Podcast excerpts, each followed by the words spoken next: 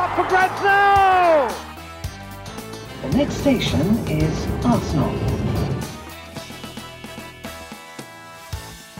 Velkommen skal du være til en splitter ny episode med Arsenal Station med Magnus Johansen og meg, Simen Goffeng.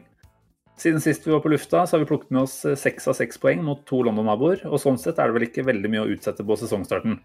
Hva tenker du, Magnus? Hvordan, eh, hvordan ser du på starten her? Nei, det er jo full pott i to matcher, og det er veldig bra. Eh, Det er jo først og fremst eh, gårsdagen vi skal snakke om i dag, da, så var jeg jo ikke sånn veldig happy med det som ble vist på banen i går. Men eh, tre nye kjærkomne poeng eh, gjorde at eh, lørdagskvelden eh, gikk fra å kunne bli begredelig til å bli helt nydelig. Så, Ja. sånn, sånn er livet for en supporter. Og Lørdagskvelden din den ble tilbrakt eh, ikke hjemme, men på, på fjellet, mener jeg å vite. Ja, nok en gang. Nå har jeg, jeg tror jeg skal eh, flytte på hytta nå. For nå har jeg sett fire matcher på hytta etter, eh, etter koronaen. Arsenal vinner alle fire. Eh, Så det er jo 100% rekord der. Og sjøl om i går så hadde mutter'n og fatter'n der, og samboeren min satt der og Ja. De ble mindre imponert til oppførselen min underveis i, i kampen. For jeg var i ferd med å miste fatningen litt midtveis i andre omgang der. Når Westham hadde noe tverrleggertreff og litt sånn, og vi hang i taua der. Men eh, det ordna seg. Så hytterekorden, den, eh, den fortsetter å gjelde. Og så er det tvilsomt kanskje om, eh, om foreldre og svigers og alt som er, gidder å bli med på, på disse her framover, hvis de veit at det er kamp samtidig. Ja, jeg trives jo alene på hytta, ja. Så kanskje er det ikke dumt. Skjønner faren din er vel uh, litt sånn uh, av samme ulle, egentlig. Lever seg veldig inn i dette her, har jeg skjønt. Og hvordan var det han uh, tilbrakte eh, den kampen der? Nei, fattern han, han har samme syndromet som meg. da. Han blir litt for engasjert og litt for animert. Så han, han orka ikke å se på det i går. Han satt i gyngestolen sin med en jeger og koste seg og fulgte med på reaksjonen min. og det som var litt ironisk, var at uh, når jeg jubla for uh, tre poeng på, på slutten der, så skjønte han ingenting. Han spurte ja, men ble det ikke 1-1. sa jeg. Men nei, jeg, jeg turte ikke å juble på 2-1, for jeg var sikker på offside. Og sånn, sånn har det jo blitt med, med VAR, at du sitter stille i båten. Fordi du vet jo aldri når det blir uh, en VAR-sjekk, og jeg, jeg trodde jo faktisk at det var offside. Jeg vet ikke hva du, hva du tenkte der, men jeg følte meg veldig lite sikker.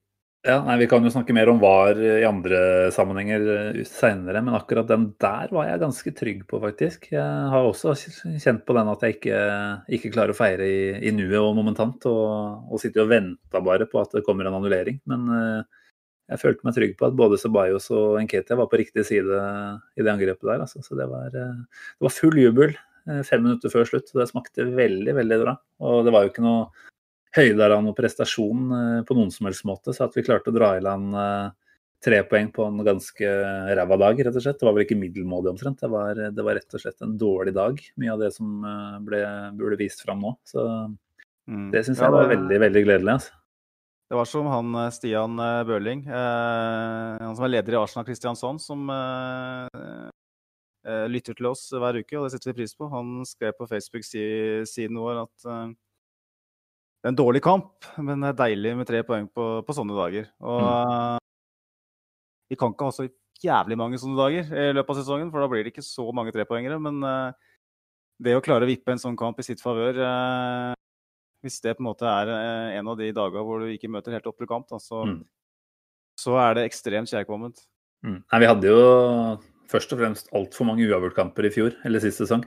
Så, så at, vi, at vi klarer å bikke disse her over i, i trepoengere, det, det er nok sannsynligvis det som altså, i beste fall kan gjøre utslaget på en, mellom en middelmådig sesong og en god sesong, da, når vi teller opp til slutt. Men eh, som du sier, det, det er bare et tidsspørsmål før vi blir innhenta av XG-en, og så er, er disse kampene her både ett og null poeng plutselig. Så mm, vi har ikke råd til for mange av de prestasjonene. Og jeg må jo si at i så måte så var det veldig godt å høre Arteta etter kampen òg, da. Satte veldig pris på poengene, men var vel ganske ærlig på at dette var det dårligste vi hadde prestert omtrent under han. Ja, han, eh, han sa vel eh, noe i, det, i de baner, og det er vanskelig å være uenig i det. Eh, Villa-kampen eh, i juli kan kanskje være i nærheten. Eh, Mm. Men det var første omgangen spesielt var begredelig. Og han eh, sa vel også at, eh, at det ikke er eh, bærekraftig å, å spille på en måte som gjør at motstanderen har motorvei til ditt mål flere ganger i løpet av, eh, av kampen. Og Mm. Veldig forfriskende det, da, i motsetning til eh, en viss eh, spanjol med sleik, som gjerne skrøt hemningsløst av et, et sånt resultat. Mm. Sånn det var vel ikke et ordforråd som tillot han så veldig mye mer. Han hadde vel et ganske innarbeida antall ord som han måtte forholde seg til uansett. Men eh, nei da, nok en gang så er Arteta spot on, han. Han eh, sier jo de riktige tinga nesten i hver eneste sammenheng. Uansett hvilke prøver han blir stilt på. Så han, eh, han forhekser meg nesten litt med de orda sine. Jeg blir redd for hvor godt jeg liker han. Det er et godt, godt poeng, Simen. Jeg har kjærlighet til blind. Og jeg, jeg er i ferd med å legge min elsk på den fyren eh, totalt. Eh, jeg var inne på eh, Facebook her om dagen og så på minnene mine. Eh, det er ikke så veldig ofte jeg gidder å sjekke det, for det er som regel bare fyllerør. fra D- 2007. Dårlige minner, mange av de. Ja, mye, mye fyllerør fra Fortums tid.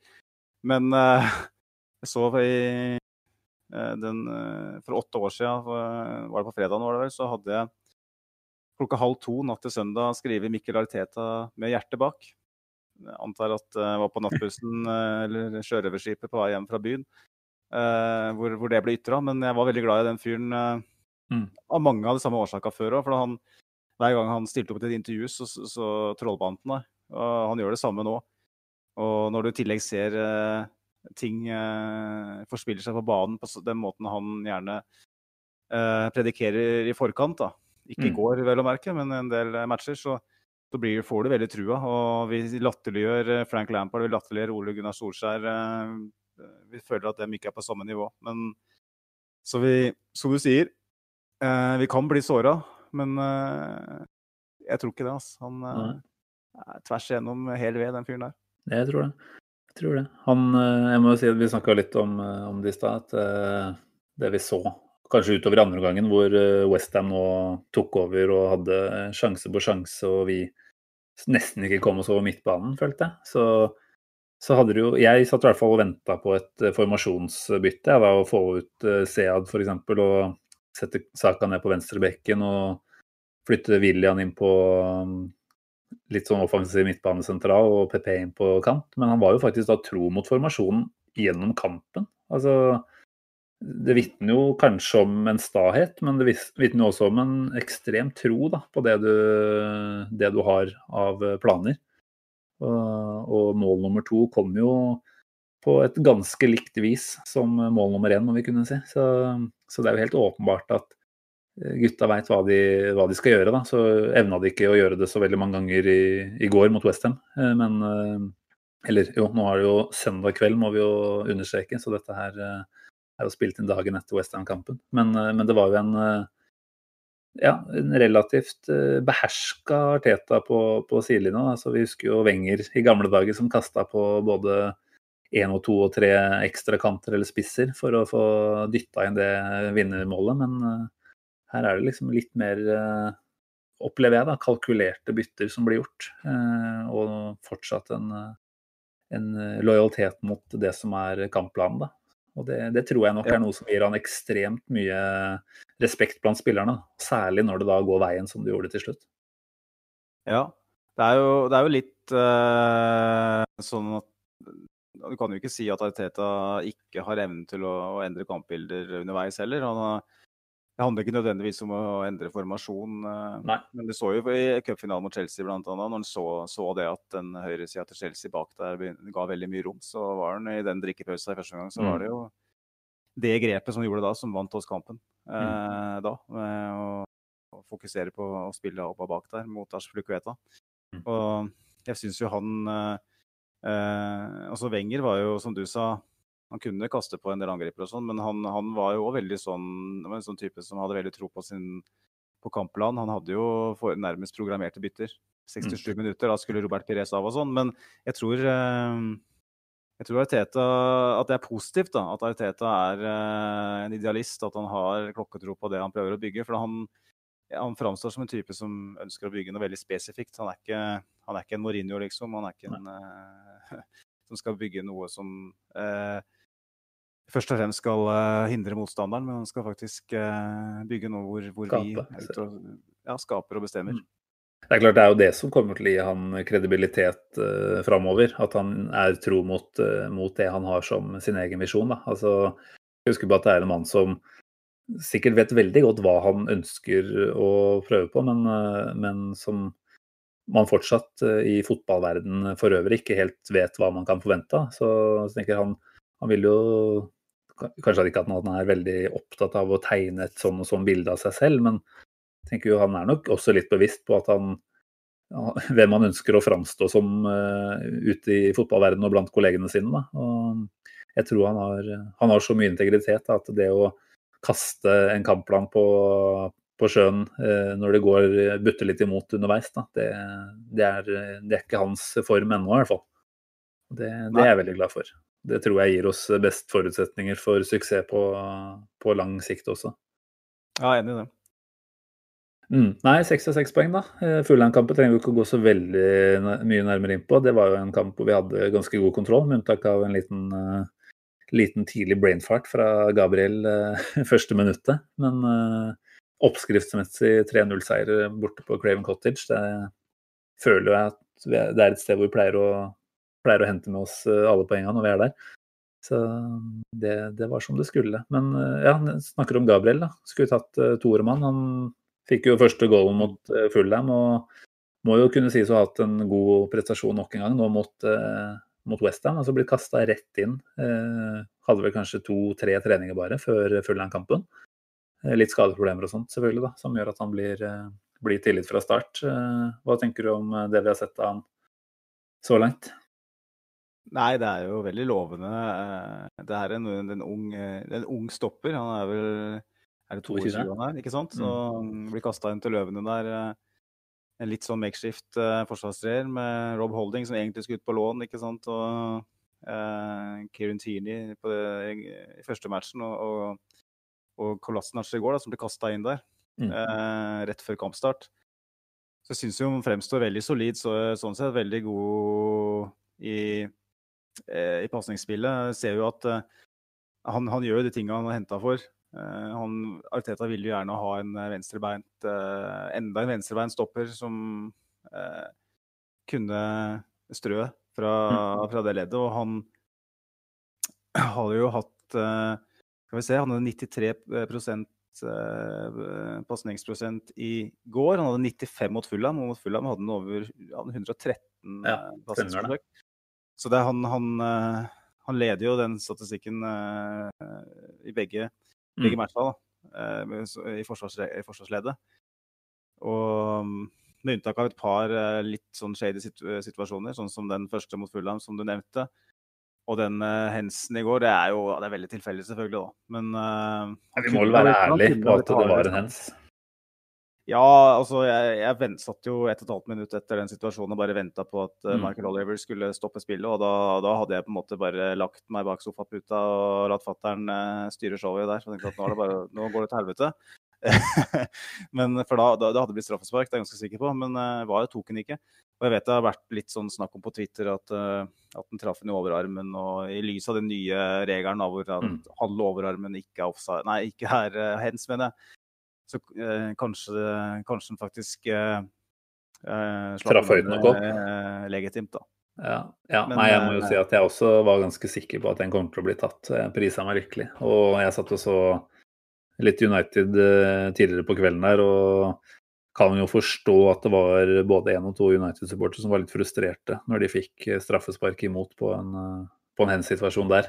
Og da at den eh, i vår kamp etterpå ikke engang blir sett på, det vitner jo da, som vi har vært inne på tidligere i denne podkasten, om en eh, Ikke om VAR som ikke fungerer, men om de, den gjengen som sitter og styrer VAR. Da, og da helt opp til toppen med Mike Riley. Det er jo folk som ikke virker å ha brukt eh, denne verken koronapausen eller, eller sommerperioden i særlig stor grad på å tydeliggjøre hva som er ja, hens, da, f.eks. Det, det burde være mulig å, å, få avklart det etter hvert nå. i hvert fall Ja, jeg tenker en dommer burde få, få ganske tydelige signaler på at dette er noe du går å se på selv. Da. Så, mm. det er jo, det er jo, jeg er jo enig i det. Litt godt å si at uh, Karma-politiet har vært og svingt med pisken på Old Trafford, da, for det er på høy tid når det gjelder straffesituasjoner. Ja, ja. Men uh, hensitt-situasjoner det er noe som de aldri klarer å komme til bunns i. Uh, de gjør regelendring nesten foran hver eneste sesong. Og som regel etter en to-tre runder så sitter vi i samme båt og tenker nei, det funka ikke det her heller. Så jeg vet ikke helt hva det er Altså, er det mulig å gjøre den regelen uh, krystallklar? Er det mulig å gjøre hens-regelen levelig? Jeg veit ikke. Det er klart, har du samme dommer som, som, gjør forskjellige vurderinger. Det er godt mulig at det, det er det gjennom en sesong òg. Da, da, blir det jo helt ufattelig vanskelig å forstå hva man kan gjøre og ikke kan gjøre. Men, eh, men jeg trodde jo at det var ganske klar enighet om at uh, spilles den ballen uh, fra veldig kort hold uh, opp i en arm som ikke er i en veldig unaturlig situasjon, posisjon, så, så er det ikke straffe. Og, og, for meg så var ikke Lindeløf sin arm i en veldig unaturlig, unaturlig posisjon mot mot Palace. da. Så, så, men jeg eh, er veldig fornøyd. Akkurat, eh, akkurat denne helga vi var, og så kommer jeg sikkert til å være eitrende forbanna når det går mot oss eh, neste runde. Men, men til alle United-supportere, jeg snakka med en underveis i kampen der som, som fikk mye Warchester-kommentarer i, i, fjor, da, når de fikk alle straffene i sin favør. Han fikk også, også trykka det litt inn i går, jeg må innrømme det. Ja, vi må jo bare passe på. Det er ikke så ofte Det går mot dem eh, i de situasjonene. Og det er, det er, de nissene som sitter på bakrommet her i bussen eller i det bygget, eh, som er problemet. Og kanskje er i tall i min eh, karakteristikk her, men vi har snakket om det her før på poden. Ja, ja. Vi kommer nok til å gjøre ikke er helt, helt, fan av de som styrer showet. Så vi håper at, uh, at det blir en endring der. Vi spora litt av nå, for vi skulle vel egentlig snakke litt om Gabriel. Eh, jeg vet ikke om vi for så vidt anså oss som ferdig med han. Jeg tenker i hvert fall én eh, til to eller to av to man of the match i de to første Premier League-matchene. Det må vi kunne kalle veldig godkjent. Er, veldig, veldig godkjent. Så jeg må innrømme at jeg hadde ikke han som min man of the match mot Westham. Det var en en spanjol med ballerinasko på, på midtbanen, som var min uh, eh, BB. Uh, Ceballos uh, hadde kanskje en litt uryddig kamp, kan vi si, men det var en drive i han gjennom den kampen der som, som jeg likte veldig godt. Og han, han, ble jo avgjørende da, med det dype løpet sitt og assist til en Ketia på, på tampen. Så veldig godt å ha han tilbake òg, etter litt fram og tilbake i sommer, selv om vi heldigvis fikk ganske tydelige signaler etter hvert på at han ønska seg sterkt tilbake til Arsenal. Så nei, hva, hva, sier du om han? Jeg er ikke enig i at han er man of the match. Eh, jeg syns uh, førsteomgangen hans var særdeles svak. og Jeg var ute på Twitter og kritiserte den i pausen. Kanskje litt, uh, litt urettferdig ettersom den første kampen hans uh, siden FA Cup-finalen. Men uh, Ja, han spilte litt med Fulham, da. Ja han, kom, ja, han kom inn der, stemmer det. Uh, men det første starten hans, da, iallfall. Mm.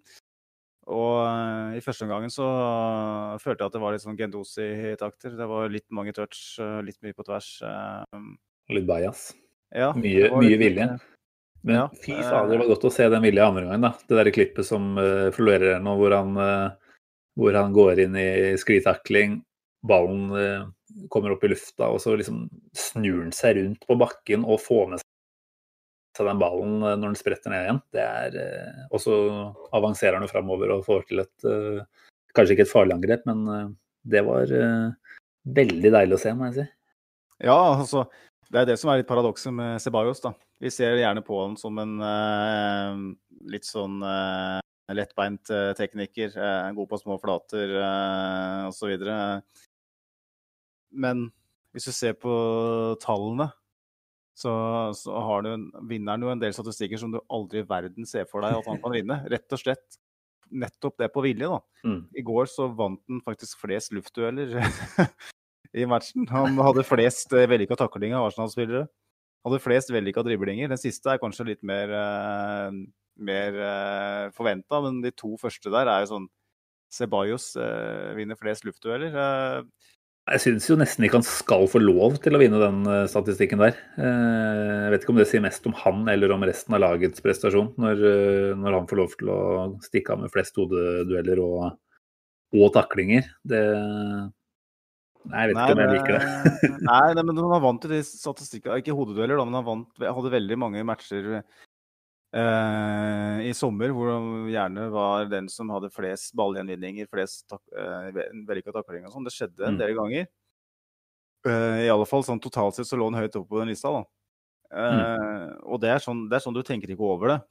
Men så ser du, som du sier på en Villa, altså den episoden som du nevner, da, så, så ser du at det er en spiller som kanskje faktisk passer veldig mye bedre inn i Premier League enn det vi trodde. da. Mm. Eh, for det var jo en som at det her er ikke en Premier League-spiller, det her er en La Liga-spiller.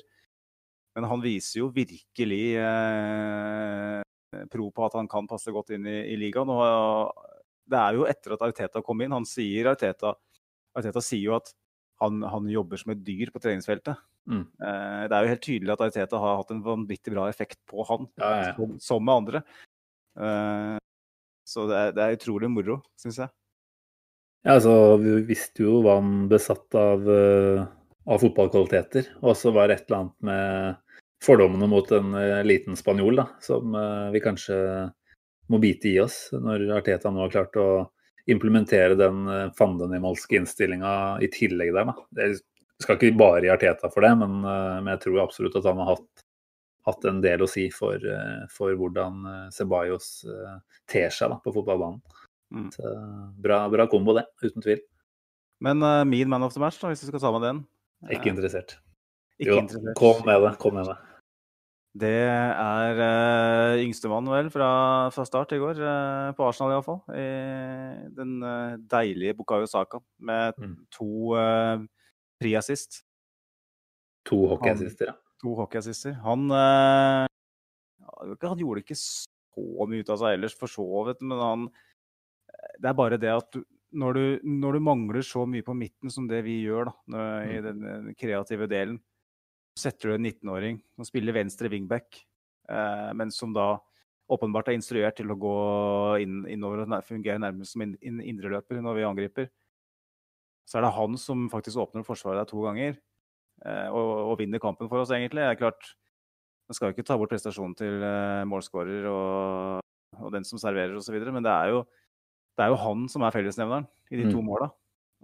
Det er jo Ja, det er, det er helt rått. Og det er første kampen hans. Han spilte jo ikke sist heller, og det mindre han kom inn på slutten, det husker jeg ikke. Det tror jeg Han gjorde ikke det. Nei. Så kommer inn og, og, og minner oss på hvorfor, eh, hvorfor vi satt eh, i ring med foldede hender eh, når den kontrakten ikke var signert. Mm. Han har jo vært ute av laget en del. eh, Han har nesten, han har nesten ikke spilt etter at han signerte den kontrakten. Nei, jeg tenker jo Tete har eh, eh, har jo vært veldig, veldig forsiktig med han nå i etterkant. Da. Jeg vet ikke om det var noe de ble enige om i kontraktsforhandlingene. Om Arteta lovte han at vi skal selvfølgelig fortsette å Men jeg, altså, gi deg ansvar. Jeg tenker at Du skal ikke gi en 19-åring for mye ansvar. og og det er noe med at vi har eh, overbrukt uh, unggutter før, vi, og det har påført dem eh, skadeproblemer. Ref. Jack Wilshere, f.eks. Så, så jeg tenker jo at uh, på lang sikt så er det jo absolutt i hans uh, fordel at han, at han blir uh, fortsatt brukt forsiktig. Og vi skal huske på at vi har et ganske solid utvalg av angrepsspillere etter hvert. Så det er jo ingen grunn til å, til å bare legge, legge børen på en 19-årings eh, skuldre. Da. Og så er det jo ganske kult òg at vi har altså, ja, som jeg sier da, Vi har ganske mange å ta med, så jeg, jeg syns jeg ser en slags eh, konkurransesituasjon da, hvor, eh, hvor de aller aller fleste kommer inn og kjenner at de faktisk må prestere når de, når de får muligheten. Eh, så jeg syns jo det klimaet vi ser, eller Arteta ser ut til å ha lagd nå, er, det er veldig godt. da. Det er sånn det er én gjeng som drar i samme retning, så er det en sånn kontinuerlig push på hverandre i prestasjoner. da. Mm. Så, Ja, nei, jeg skal ikke si at du er helt ute å kjøre når du sier at uh, Bukayo Saka er eh, man of the match, altså. Nå er det vel uh, ligacup uh, i midtuka, borte mot Leicester. Og så er det jo storkamp på Anfield uh, på, på mandag kveld. Så, som du var inne på i stad, det er jo en kamp vi egentlig nå har ganske Kan gå inn med ganske lave skuldre til, da. Det er eh, lite å tape. Eh, flere av ligarivalene våre som har gått på, gått på tap allerede. United tapte hjemme, og Chelsea tapte jo nå mot eh, Liverpool. Tottenham tapte eh, første runde, ikke sant. Så Mm. vi ser allerede at det er, det er mulig å avgi poeng uten at det skal være noe krise i det hele tatt. Ja, og satt jo og lurte på hvorfor jeg kjørte Prosjekt Skalla i, i går, når jeg satt og rev omtrent av meg alt håret i andre serierunde, når vi allerede har vunnet første matchen. Men det var liksom tanken på at vi skal til Anfield eh, neste runde. Og eh, det er veldig, veldig viktig å få med, syns jeg, da, å ha med seks poeng fra Fulham og Westham eh, foran en sånn kamp. fordi tradisjonelt sett så tenker han jo at det er alt vi får med oss derfra, er en bonus. Ja. Eh, samtidig så, basert på det vi har opplevd nå i sommer, eh, med seier mot Liverpool to ganger, eh, seier mot City, seier mot Chelsea, så tenker du at kanskje eh, har vi en mulighet, da. Det det, hadde det vært for et år siden, så hadde jeg jo eh, resignert før kampen. Mm. Eh, men jeg føler jo at det er en viss sjanse at vi kan få med oss noe der. Så, og det, det syns jeg er deilig, da. Men eh, Ja. vi, pass, vi, har jo, vi har jo havna litt der at de, at de kampene passer oss nesten bedre enn uh, i en kamp hvor vi er sky- skyhøye favoritter, hvor vi skal ha mye ball, styre og, og, og, og presumptivt vinne lett. Da. Da, da, da sliter vi nesten Ja, ikke hver gang, da, men veldig ofte. Og det er på en måte brød og smør, da, som de sier i England, uh, for et lag som skal plukke poeng. Det er der vi må plukke poengene våre hvis vi skal være med og kjempe om topp fire. For det, det hjelper ikke å vinne en kamp mot City Liverpool hvis vi avgir poeng mot alle de 14 andre på lagene i ny og ne. Eh, det er der det er mest poeng å hente. Så vi kan jo snakke litt om det, Simen. Hva er det eh, Nå har vi spilt to kamper. Eh, overgangsvinduet stenger om et Mm. par uker. Hva er det hva er det vi mangler, hva er det, hva er det vi mangler nå? Hva er det vi kan gjøre noe med eh, for å kunne kanskje klare topp fire i, år? Og Mm. basert på det vi igjen så i går, så må det jo kanskje være den midtbanen. Ja, vi trenger jo det bindeleddet som virkelig er med å gi offensiv slagkraft fra midtbanen. Altså, jeg er fortsatt der at jeg tror William kan tiltenkes en litt mer sånn sentral eh, utgangsposisjon etter hvert. Det kommer helt an på hva vi gjør med, gjør med startoppstillinga, om vi skal fortsette med tre eller eh, om vi skal gå over til fire bak. Men, eh, men hvis vi skal eh, snakke litt eh, rundt eh, potensielle overganger, så er det jo det er jo vanskelig å komme utenom Jose Mawar, da, som vi har vært innpå her nå i hver eneste pod omtrent. Og som stadig ryktes uh, litt fram og tilbake. Uh, han er nok en, en uh, spillertype som tikker veldig mange av de boksene vi, vi er i behov av. Som, eh, han- ser ut til å kunne både ha en sånn boks-to-boks-rolle, hvor, han, hvor han bidrar begge veier, men, men også en som kan ligge ganske planta oppi tieren og og, og strø og, og være med framover derfra, da. Vi har, jo, vi har jo hatt lyst på Thomas Party i hele sommer, og sier jo fortsatt ikke nei takk til han. Men eh, det er jo kanskje ikke en Thomas Party som er det vi trenger aller eh, fremst, da. Jeg tenker la oss spare på konfekten eller verne om favorittbiten banantvist i mine øyne, mine øyne til overgangs, overgangsspalten, overgangs, med tanke på sannsynlighet for, for at noen av de kan komme inn. Men så er det litt sånn eh, at jeg vil helst ha begge. Fordi eh, jeg føler at eh, vi mangler veldig mye på midten. Så kan kanskje folk kalle meg litt kritisk, sånn sett. Ja, At Sjaka har vært veldig god nå i noen måneder, og Ceballos, som vi nettopp har nevnt, har vært bra. Men vi mangler, syns jeg, tempo, trøkk, dynamikk, kreativitet. Eh, evnen til å vende opp, ta med seg ball gjennom ledd, vinne en midtbanekrig fysisk. Det, er, det går litt for sakte, det er litt for spett, eh, det er litt for lite tempo. Det er Altså det mangler ganske mye på midten eh, for å kunne matche de aller beste. Ja. Og til tross for en del gode prestasjoner i toppkamper, jeg føler at vi må ha inn en offensiv midtbanespiller så lenge Øzil uh, sitter på mørkeloftet og gjemmer seg. Er helt nødt eller, til ha eller blir bort, bortgjemt. Vi får fortsatt si at vi, vi vet ikke Ja, ja, helt det- hva som er eh, kjernen der. Han er blitt bedømt til å gjemme seg. Uh, for å ta en litt sånn diplomatisk løsning. Uh, Thomas Party. eh, jeg så en statistikk eh, for et par dager siden hvor, hvor det var han og Tiago Alcantara og én spiller til, jeg husker ikke den siste, som var de tre i Europa i fjor som hadde Var det, var det flest uh, hva skal jeg si, ba, Ja. sto for det, Flest, flest ganger har tatt seg gjennom ledd da, i midtbanen. Ja. Og det sier alt, da. Det sier litt om hvorfor vi kanskje ønsker oss en Thomas Party òg. Eh, for vi må ha noe som kan eh, Vi må ha noe energi i midten. Bryte gjennom på egen hånd. Bryte gjennom, ja. For at vi Ja. I de kampene der mot Westham, mot Aston Villa, så står vi og, og triller og triller og triller. Og så er vi på en måte avhengig av at vi har en wingback eller en, eh, Mm. en Aubameyang som finner på noe, da. Eh, Eller et perfekt angrep, da. At vi er avhengig av det perfekte angrepet som vi hadde mot uh, City i semifinalen. Som vi hadde mot uh, Fulham nå sist, når Aubameyang setter den i lengste der, i 3-0-målet. Men burde vi gå over til en liten, liten vurdering rett og slett av, av disse overgangsryktene, eller?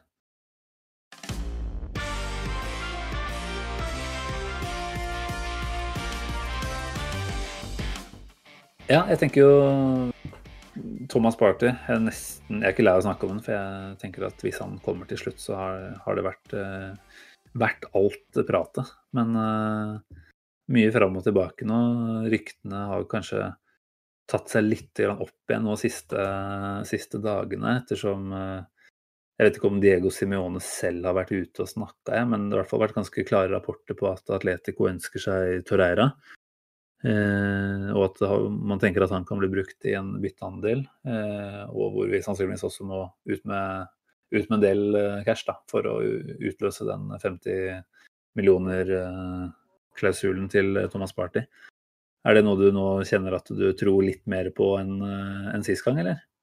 Jeg begynte, jeg begynte å miste litt troa på, på at vi, Party kom, rett, eh, mye fordi at Daoar eh, har tatt over som førstevalg, eh, ifølge de aller fleste forstår seg på det. Eh, det er vel noen urugianske medier da, som har meldt at, eh, at Simione har snakka med Arteta og hele pakka, at, liksom, Ja.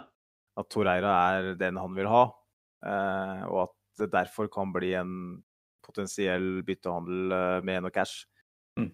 Eh, jeg kjenner ikke urugianske medier veldig godt, så jeg tør ikke, jeg tør ikke å si, si noe om kredibiliteten i det. Da. Men Nei, vi kan jo si litt sånn på, på fast uh, vane at uh, kommer det fra spillerens uh, nasjonale news, da, da er vi jo umiddelbart litt grann mer eh, eh, tillitsfulle til det.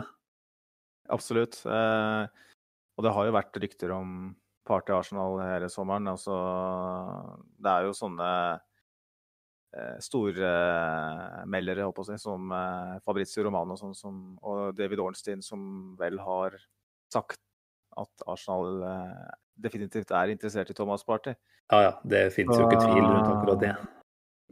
Hvis uh, Torreira er interessant for Atletico, så øker det sjansen betraktelig i mine øyne. For det virker jo veldig som om Arsenal er helt nødt til å få inn noe frisk kapital for å kunne, Mm. eh, kunne hente en type som Thomas Party. Så hvis vi skal sette noen karakter, jeg tror jeg la meg på en sekser sist. Eh, for at, og jeg tror jeg, bare, jeg tror jeg bare fortsetter å legge meg der. Videreføre sekserne. Jeg legger meg på sekseren også.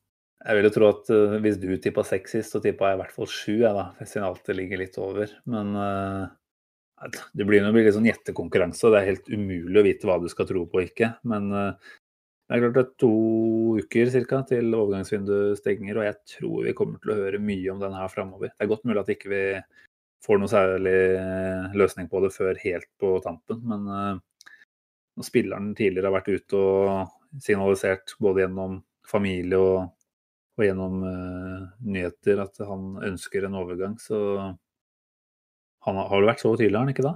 Jeg velger jo å tro at uh, det er noe han, uh, han, fortsatt holder på med, og, og, at det er noe som logisk sett kommer til å gå opp til slutt, jeg, da. Så, så jeg, jeg tror jeg i hvert fall holder meg på sjueren og Altså, det, det, er så tullete, da. For jeg tror første gang vi snakka om det her, så var jeg på en åtter eller noe sånt. Og nå er jeg tilbake på en åtter i så fall.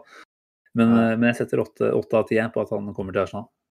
Det er positivt. Vi er, vi er, supportere. Men da er jeg litt spent på hva du øh, tenker om øh, José Mauar, da, som er, øh, er ansett for å være førstevalget til Ariteta. Ja. Igjen og både følger Romano og Ornstein og de mm aller kall det sikreste kildene du har som eh, holder på på Twitter da, i løpet av ja. uken. Jeg fikk jo med meg at uh, han kameraten i Lyon, han var heter Jean-Michel Aulin eller noe sånt, han, uh, sjefen der borte, var jo ute og prata litt nå og sa vel at Arsenal hadde ikke råd, eller ville ikke ta seg råd, eller kunne ikke ta seg råd til, uh, til uh, AOR. Og da tenker jeg umiddelbart at når den mannen åpner kjeften, da er det i hvert fall noe på gang. Fordi han var ute og plapra før eh, Lacassette uh, til slutt endte opp i Arsenal også. Da sa han vel omtrent det samme. Han kommer ikke til å gå til Arsenal. Så, så det tar jeg utgangspunktet som et uh, stort pluss. At han uh, tenker at nå, nå, burde jeg inn og bruke tid på å kommentere dette her. Uh, og jeg tenker at han selvfølgelig er ute etter å melke mest mulig penger ut av den dealen der. Så nei, det, det tar jeg som et godt tegn i hvert fall. Hva tenker du om det? Det er et kjempetegn at uh, Olas er uh, ute og med kjeftamentet sitt. For um, han er jo glad i å snakke, men han pleier ikke å si så mye før det er noe virkelig på gang. Og um, det som er utfordringa her, med tanke på å skulle bedømme det, er jo hvordan i alle dager skal vi klare å få både Party og var over uh, målstreka. Uh, hvis du setter deg på en åtter, liksom, på Thomas Party. Uh, hvis du da legger deg høyt på AOR, så da begynner vi å snakke om veldig positive vibber her. Jeg tror part, jeg har mer tro på Party fordi at eh, det er interesse for Toreira i eh, mm. Madrid. Men jeg tror mm. det virker veldig som AOR er den Arteta helst vil ha. Eh, men klart, etter at han hadde holdt på å herje i semifinalen i Champions League Nei, var det kvart eller semi? Jeg husker ikke. Han var i hvert fall veldig god mot City. Mm. Semi, det var, det var kvarten, ja. Og mm. han, eh, han spiller i en klubb som trenger kapital, for den ble vel på sju, kom på sjuendeplass i Frankrike. Så de, de, får jo ikke noe penger fra europeiske turneringer Nei. I den kommende sesongen. Eh, men det er mange av spillere, spillere av dem som er attraktive. Eh, Depay går vel til Barcelona, så jeg vet ikke om det er bekrefta.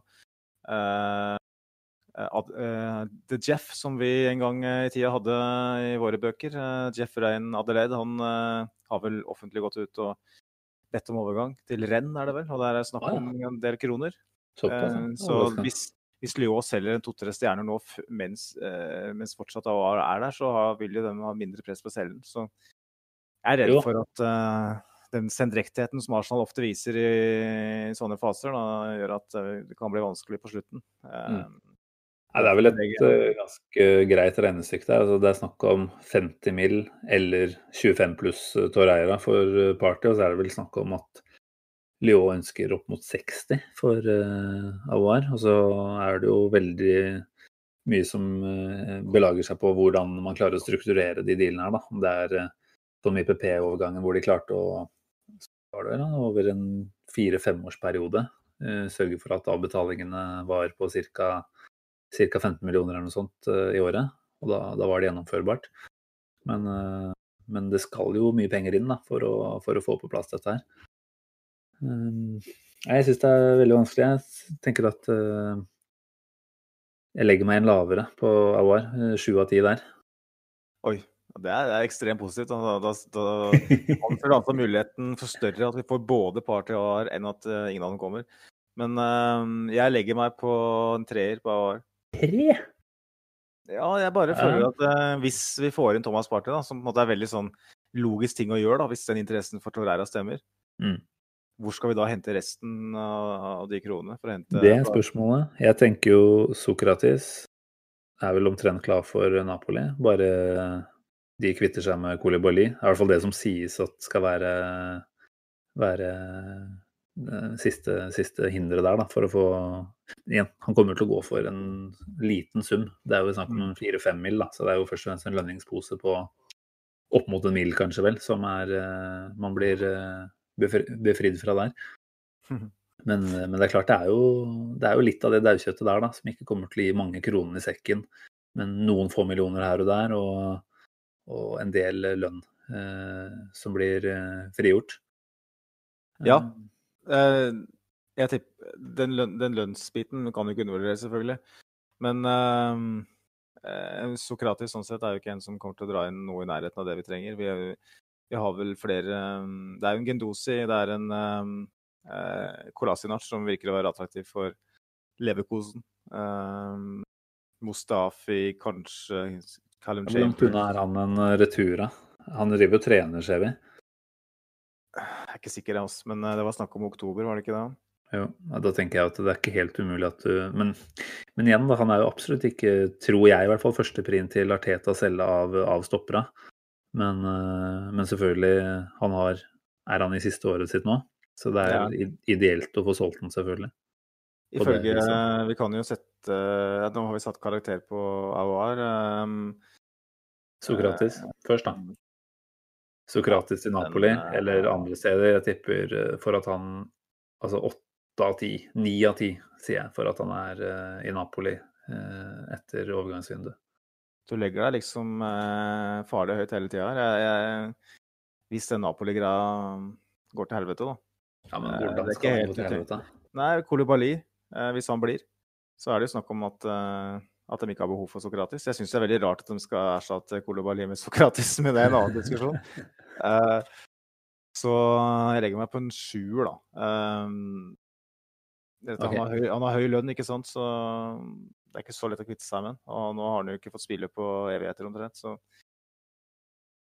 Nei. Kolasinac, da, som selvfølgelig da starta mot Westham. Uh, igjen, det er ikke det er ikke masse dybde i troppen per nå, men det er klart med skadefritt mannskap så hadde han vel ikke starta, åpenbart, uh, den kampen der, da. Uh, og kanskje heller ikke vært den man uh, satte innpå. Jeg er litt skeptisk til han, altså, rett og slett fordi han har en ekstremt god lønn. Mm. Og jeg, jeg, håper jo at Arsenal ikke krever uh, altfor mye for å, for å bli kvitt den. Vi henta han tross alt gratis. Så det er klart, får vi et eller annet sted rundt 10 millioner pund for han, så syns jeg vi skal være kjempegodt fornøyde. Da, da, er det bare å danse enka, for å si det sånn, hvis vi gjør det. ja. jeg, jeg, jeg, jeg, ikke... Litt skeptisk der, så der legger jeg meg på en firer. Ja. Um det virker som han er interessant for andre klubber. Da. Han virker interessant. Han er Schalke, der han har vært tidligere, er han jo veldig glad i. Uh, Leverkosen har jo blitt veldig heftig eh, nevnt nå, uh, til og med lokale medier der. Uh, som nevner at det er interesse. Eh, Westham ble nevnt som en potensiell eh, Ja, stemmer. Ble du imponert, mon tro? Nei, det skal veldig mye til. Han var jo begredelig dårlig. Men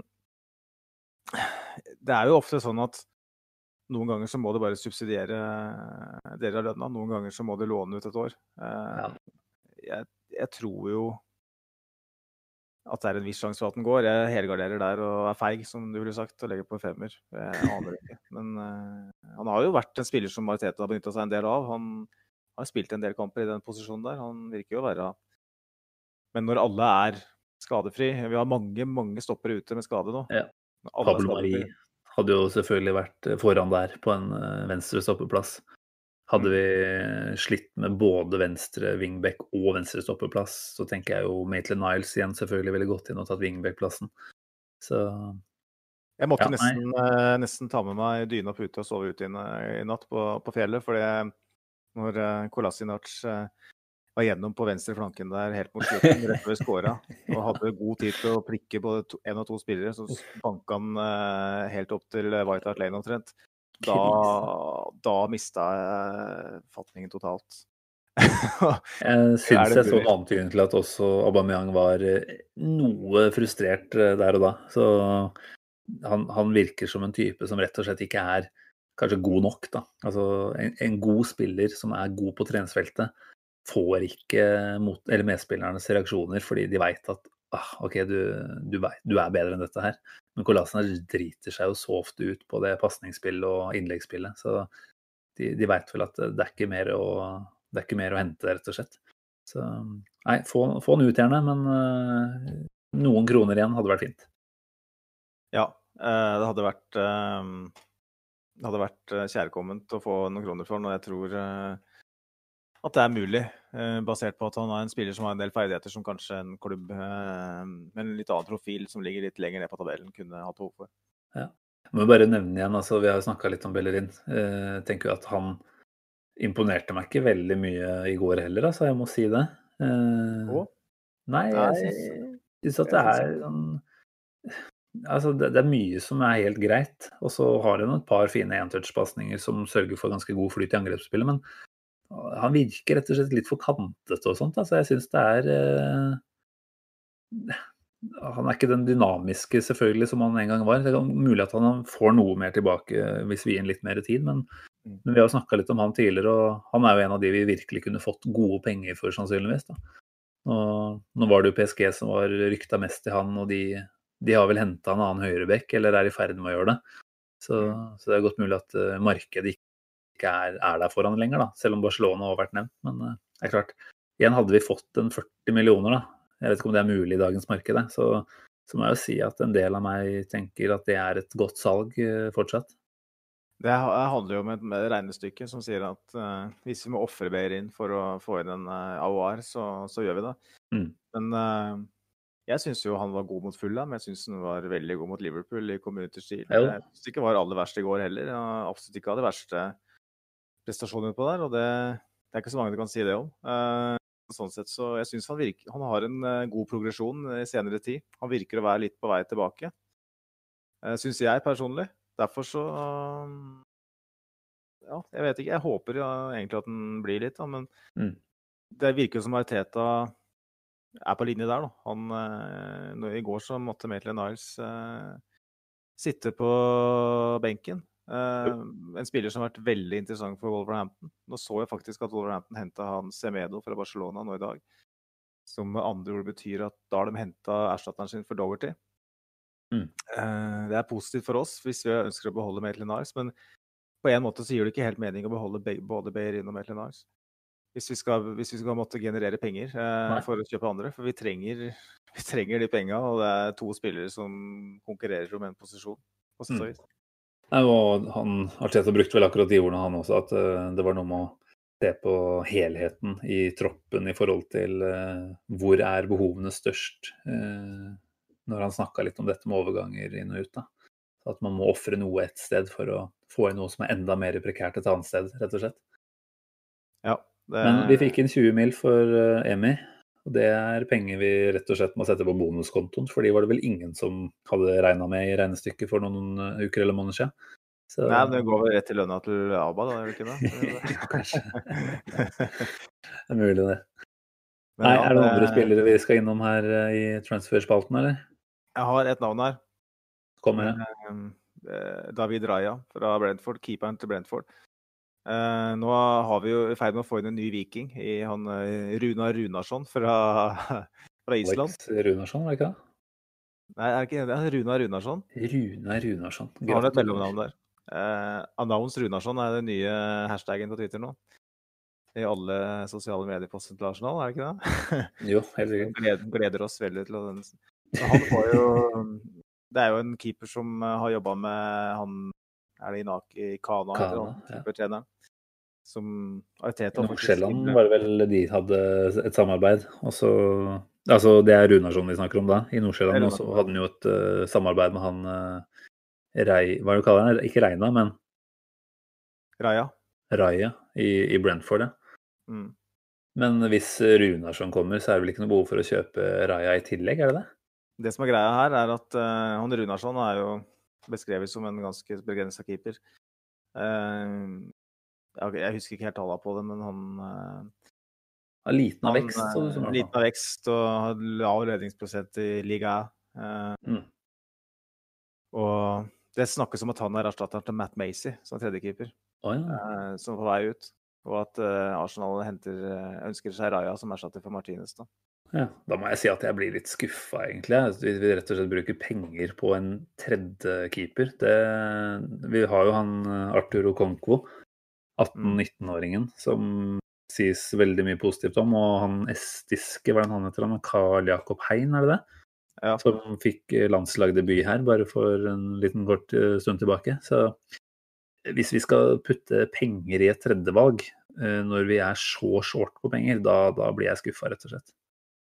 Ja, jeg er enig i det. Eh, samtidig så er det snakk om veldig lite, da. Det er 1,5 million pund eller noe sånt. Jo, jo, men det er 1,5 million pund. Hva, hva er det?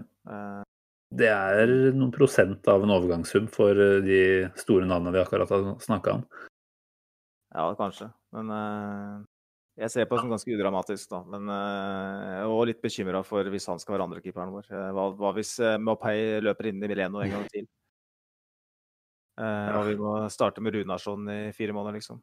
Det, hadde vi ikke hatt Martinez i fjor, så og hatt en svakere keeper da, så Ikke at vi forventa at han skulle være så god, men det kunne Ja, han redda jo sesongen vår. Han har redda millioner av kroner i form av europaligaspill. Vi må jo si at han bidro såpass til at han fortjener den betegnelse der som redningsmann. Ja, absolutt. Han eh, var helt nydelig, eh, og fortsatt i tvil om vi gjorde rett valg eh, der. Men som vi var enige om i forrige pod, vel, så var det en litt større risiko forbundet med å beholde Martinez, som Ja. kunne ha noen måneder eller uker på, på det nivået. Eh, Men ja, vi, jeg, jeg forstår hvorfor Arsenal ønsker å hente en keeper som er bedre, bedre presumptivt bedre enn han eh, Runarsson, uten at jeg skal eh, felle noe dom over han. Jeg syns det er veldig rart det, å gå ut på markedet og tenke at nå skal vi ha en keeper som ikke skal brukes som førstevalg. Han skal ikke brukes som andrevalg, han skal være tredjevalg. Og så tenker vi at vi ikke har en, en ungdomsspiller som kan få ta den plassen der. Det, det skjønner jeg faktisk ikke. Nei. Vi får se hva de lander på til slutt. Men du, det var jo du som eh, ville ha Raja med i den diskusjonen her. Hva karakter er det du setter på henne? Sannsynligheten for at den kommer? er, Arsenal er jævlig gira på å hente den. Eh, Ja. De har jobba med, med Brentford hele sommeren, virker det som. Eh, så jeg vil si at det er en ganske stor sannsynlighet. Jeg setter på en seks av ti at han kommer. Vet du hvor mye det er snakk om at vi må ut med der, da? Det høres ut som et sted mellom fem og ti mil, i hvert fall. For Raya, Raja, tenker du? Ja. Det er mer. Eh, Brentford krever 15, eh, og Arsenal har eh, eh, ja, Det her er jo ifølge det er kilder, da, men snakk om 10, kanskje. 10 millioner pund. At de håper å Hvis vi skal bruke 15 av de 20 vi fikk for Martinez på, på ny backupkeeper, da blir jeg hissig, altså. Ja, det er jeg enig med deg der. eh, Men det er klart, det kommer litt an på hvor, hva slags, hvordan er den eh, dealen med, med Villa strukturert med Martinez da, kontra hva vi eventuelt gjør med, med Raja. Så Nei, hvor mye av, de, eh, av den kapitalen blir frigjort.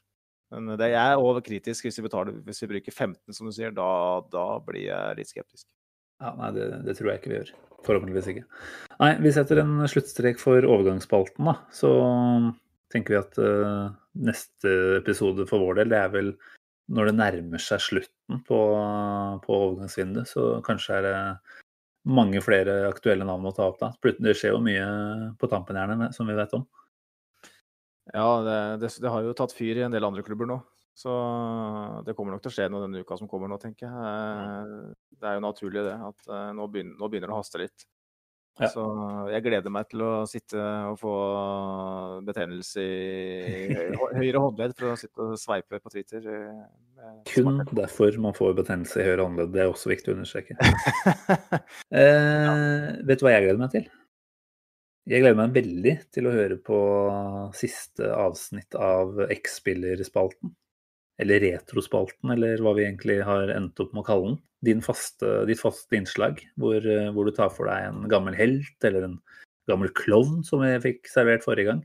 Jeg syns Mm. det er eh, et lite høydepunkt eh, i hver eneste på Så jeg vet du har gjort klart et, et lite kåseri om en, en gammel kamerat. Er du klar for å take it away? Ja, det som du sier. Det er, det har vært, litt har vært innom Arsenal, så det er ikke nødvendigvis en helt som kommer her, men vi eh, kjører på med en eh, ny X-spiller. Konge, kjør på. Jeg var ikke et fenomen. Pressen kunne skrive hva de ønska. Jeg ba ikke om det. Jeg ba ikke om at de skulle skrive om meg. Jeg var ikke et fenomen. Jeg prøvde bare å gjøre en jobb. Dette sa den unge spissen som hadde alt, etter at Arsenal-karrieren ebbet ut i det mange vil kalle evig glemsel. For det er ikke så mange som kommer til å snakke om denne mannen om 20 år. Med særdeles rosende omtaler ankom unggutten klubben for å konkurrere om spissplassen.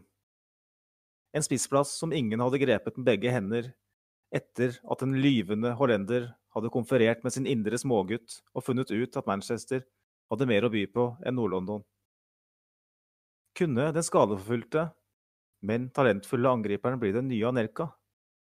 Henta for en slikk og ingenting, og dyrka til ei superstjerne.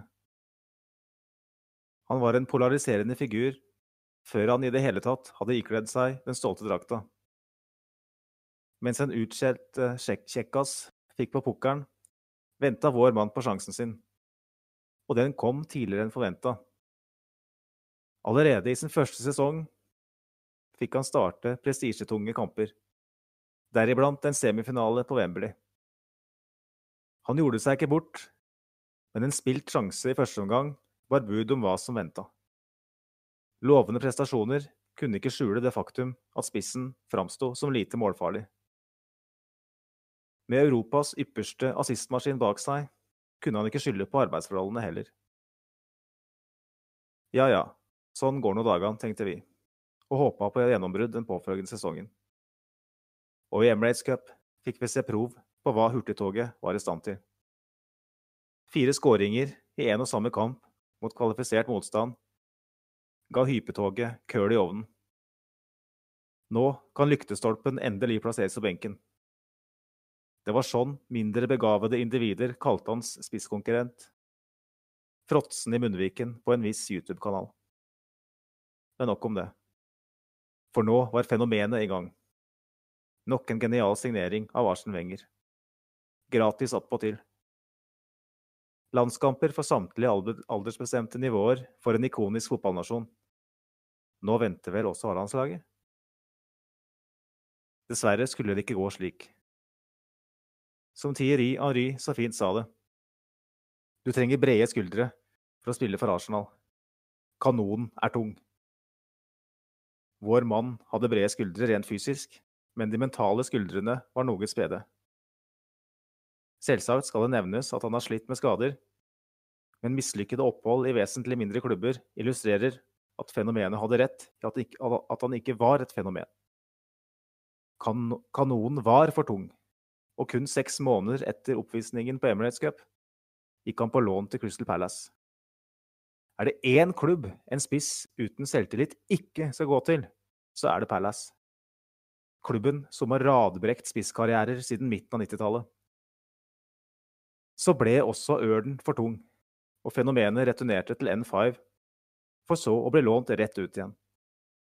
Wenger hadde sett nok, og lyktestolpen var fremdeles urokkelig. Ingen aviser kaller ham lenger et fenomen. Han vil for alltid være spissen med skåringsvegring, som likevel har flere trofeer enn Harry Kane. Wake me up, ja ja, sa no go, you're much better than the cunt from Togo. ah, deilig stikk på slutten der òg. Jeg syns jo aldri at jeg Jeg kunne ikke fatte hvorfor det der hype-trainet på Sanogo gikk så fælt, jeg. Det var vel et eller annet med at den var ung, fransk og uoppdaga, som gjorde at vi tenkte at her kan vi forvente noe helt automatisk. Men uh, det var en skuffende fyr. Men en veldig bra gjengivelse av Arsenal-tida hans, da. Han, uh, han, hadde vel uh, gjort det bra på de fleste aldersbestemte nivåer i Frankrike, og der er jo som kjent nivået veldig høyt. Så det var vel kun skader, egentlig, tidlig i karrieren som gjorde at Arsenal hadde sjansen til, til å hente den. Mm. Uh, men det var jo tydelig at det var mer enn skader som gjorde at han ikke nådde gjennom. Ja, jeg klarte alle Altså, han hadde sikkert noen forutsetninger, men det var en sånn spedhet over hans opptreden på banen som jeg bare tenkte at nei, dette her ser ikke riktig ut, rett og slett. Men han hadde en touch i det oppbyggende angrepet på Ramsays 3-2-skåring Eh, på Wembley i 2014. Så vi må jo si at han eh, har skrevet eh, seg inn i Arsenal-historien på et eller annet vis uansett, da. Ja, absolutt. Han, han, spilte jo som sagt en semifinale, det var mot Wiggen, da. i samme Ja, Og han. gjorde en, eh, en OK figur der, for så vidt. Mm. Sjøl om han bomma på den eh, store sjansen. Og han starta jo hjemme mot Dortmund, husker jeg, og i Champions League. Eh, Skåra der, ja. Stemmer det. ja, så han, han viste Jeg, jo inn... ja, jeg tok faktisk den her ganske kjapt. Altså. Jeg trodde kanskje at jeg var, jeg var Aller først var jeg på Park Chuyong. Eh, men det var kanskje året før han dukka opp. Han kom Eh, tilbake i den derre panikkjøp... Ja, eh, Stemmer. Han var en del av den, den gjengen der. Men at han ble kalt et fenomen, det visste jeg faktisk ikke. Så Nei, det er mulig at det, mulig at det drar litt langt, men han sa det sjøl. Han sa det sjøl i et intervju. At eh, han var lei av å bli kalt et fenomen. Det var det gjenga, gjenga sitatene helt i starten av uh, teksten der. Kameraten hans som bygde opp selvtilliten hans, øh, kanskje. da. Ja, jeg vet ikke om det var Anelka jeg som eh, tenkte at eh, her har vi noen eh, paralleller, men eh, det var vel eh, det var vel kun eh, et hypetog som eh, var på skinnene der. Ja, tydeligvis. Ja, det var ikke mye annet som gikk på skinner der, dessverre. Nei, Kult uh, gjenhør. Bra levert enda en gang. Eh, før vi runder av, så syns jeg at vi må nevne Fantasy-ligaen vår. Jeg vet ikke om det er noe du har lyst til å snakke høyt om? Det er vel ikke noe kjempestart for din del, er det det? Og du følger med med det? Nei, eh, Jeg var inne. Første runden gikk dårlig, men eh, det gikk veldig dårlig òg. Men eh, nå i dag, nå den runden her har det gått ganske greit. Da. Så jeg tipper Er jeg vi- klatre- Det har klatretrøya på nå, så kjører, eh, kjører oppover lista. Jeg vet ikke åssen det gikk med deg. Jeg ikke, jeg Nei, jeg, jeg føler jo ikke at jeg kan spille bra med Ville. ikke sant? Det hadde jo tatt seg ut hvis man skulle vinne sin egen uh, liga. Og vi har jo lovt uh, trøye til uh, vinneren, så selvfølgelig går vi inn og tar den seieren selv, så blir det jo ikke noe trøye til noen. Så jo da, det hadde blitt det uansett. Men, men enn så lenge så ligger jeg vel ganske beskjedent plassert under midten et eller annet sted, tror jeg. Så tror ikke jeg kommer til å bruke veldig mange minutter eh, før hver runde på, på å gjøre bytter. Men jeg, jeg skal prøve å følge med. Jeg tror ikke jeg går for en sånn løsning hvor jeg bare setter inn på benkesliter og helt åpenbart prøver å havne sist. Det, det gidder jeg ikke. det kan være vel så vanskelig, for det er mange som uh, spiller fantasy som uh, kun endrer uh, etter første runde, og så gidder de ikke mer. Nei, det blir mange burde vurdert nesten daue etter hvert. runden sist. Jeg tenkte at det her, det gikk eh, Hvis det er på en måte standarden, så er jeg ferdig. Mm. Nei, jeg, vet ikke om jeg nevnte det, men jeg låste jo da ligaen etter eh, Eller like før eller like etter eh, første runde, sånn at ikke etternølere med gode summer kommer inn og hijacker uh, tetstriden. Så de som er med der nå, gratulerer. Dere har alle muligheten til å vinne neste års drakt. Så blir det gøy å følge med på det videre. Ja, det er det absolutt. Og eh, veldig, det var vel ganske mange som meldte seg på, og det setter vi pris på. Jeg håper òg at uh, folk uh, etter hvert begynner å stille spørsmål uh, til oss i forkant av innspillinger og sånn, og kommer med noen kule innspill. For det, det er det plass til på, på podkasten vår. Vi er jo på Twitter på at podarsenal. At podarsenal. Så det er bare å følge oss der, eller så er det bare å søke oss opp på, på Arsenal Station på, på Facebook. På Facebook. Og like oss der, og da serverer vi noen uh, oppdateringer eh, underveis i løpet av sesongen eh, av diverse diverse kategorier. Tilfelle, og, selvfølgelig så kommer vi med reklame foran hver eneste podkast. Og litt, eh, litt stoff etter òg. Så og publiserer selvfølgelig episodene og sånn der. Så vær, Mm. vær så snill og følg oss og lik oss der, så er det mye å hente der, håper jeg. Ja, det er ikke, det er ikke bortkasta tid, vil jeg si, å gå inn og, og følge oss på, på sosiale medier. Men uh, folk får gjøre som de vil. Vi, vi tvinger ingen til noen ting. Men eh, nei, vi har vel ikke helt staka ut eh, planen for når vi er på lufta neste gang. Det blir vel muligens etter Liverpool, i hvert fall. Eh, som er en ukes tid unna nå. Så får vi håpe at det blir både Carabao Cup-avansement og kanskje en liten bonus, bonuspoeng bort mot Liverpool i, i neste uke, da. Er det noen avsluttende kommentarer fra din side? Nei, ikke annet enn at uh, troa på prosess Arteta. Eh, jeg liker ikke ordet prosjekt, så sier jeg prosess Arteta. Den eh, lever videre tross en prestasjon nesten til strykkarakter periodevis i går. Så vi får bare holde smilet oppe hele gjengen, og så høres vi om ikke lenge. Yes. Nei, vi bygger momentum. Tre poeng mot Westham er tre poeng uansett, ja. uansett hvordan de havner inn på konto. Så vi, vi liker det vi ser stort sett så langt. Takk for at du putta oss i ørene nok en gang, og så høres vi igjen om ikke altfor lenge. Ha det bra.